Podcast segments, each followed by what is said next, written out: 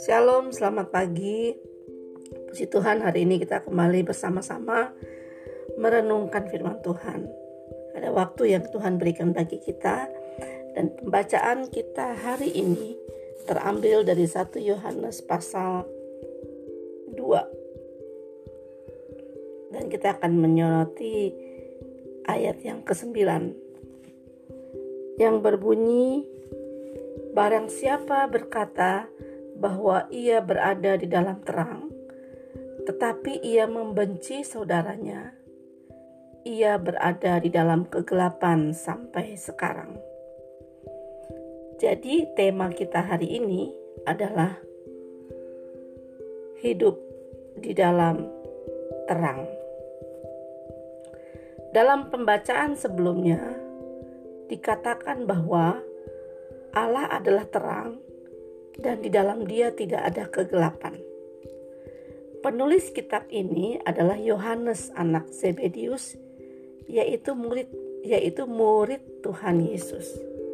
Yohanes ini juga yang menuliskan Injil Yohanes yang mencatat pernyataan Yesus dalam Yohanes 8 ayat 12 bahwa Yesuslah terang dunia.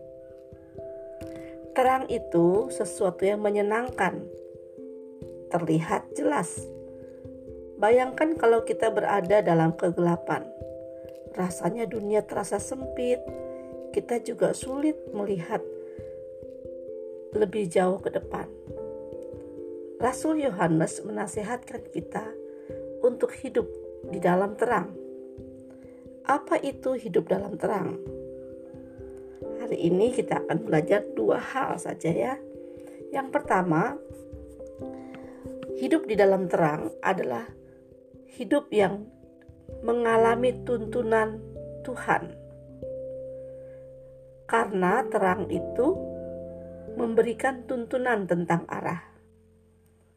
Dulu bangsa Israel berjalan dari Mesir ke Kanaan selama 40 tahun. Lama sekali kan ya?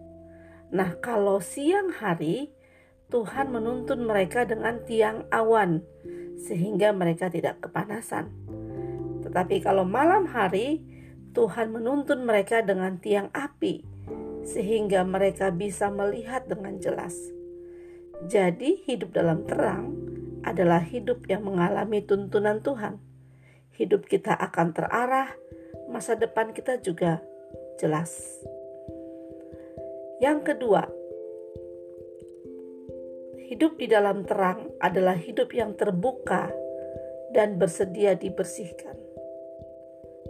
Hidup yang tidak berdusta dan juga tidak berpura-pura. Terang itu menggambarkan hal-hal yang jelas. Kalau kita dalam sebuah ruangan, kita bisa dengan jelas melihat apa isi suatu ruangan, bagaimana keadaannya, apakah bersih atau kotor semua terlihat jelas. Sekali lagi, hidup dalam terang artinya hidup hidup yang terbuka. Hidup yang bersedia dibersihkan. Hidup yang tidak berdusta atau berpura-pura. Kita menjadi orang yang apa adanya. Kita berkata iya kalau iya dan tidak kalau tidak. Nah, dalam pembacaan kita hari ini, Rasul Yohanes memberikan nasihat yang penting untuk kita hidup dalam terang, yaitu mengasihi. Hmm. Karena salah satu cara hidup dalam terang, maaf, salah satu ciri ciri hidup dalam terang adalah mengasihi saudara. Jadi kalau kita yakin nih kita hidup dalam terang, tetapi kita membenci saudara kita, maka sudah dipastikan kita salah sangka, salah keyakinan. Yakin hidup dalam terang, tetapi membenci saudara, kita pasti salah sangka. Karena hidup dalam terang itu tidak mungkin membenci. Mungkin saja kita tidak setuju dengan apa yang saudara kita lakukan, orang lain lakukan. Namun orang yang hidup dalam terang tidak akan membenci saudaranya hanya karena berbeda pendapat. Hidup dalam kegelapan itu menyeramkan. Kita akan sesat jika dalam kegelapan. sulit melihat masa depan. Makanya firman Tuhan bilang bahwa kalau kita hidup dalam kegelapan, kita hidup dalam kesesatan.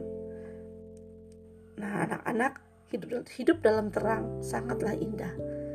Jadi kalau masih ada kebencian atau kemarahan tersimpan, mari ampuni saudaramu. Karena membenci orang lain justru merugikan diri sendiri. Ya. Mari mulai langkah awal di pagi hari ini dengan hidup dalam dalam terang, yaitu mengasihi orang lain. Buang segala kebencian, karena itu hanyalah merugikan diri sendiri.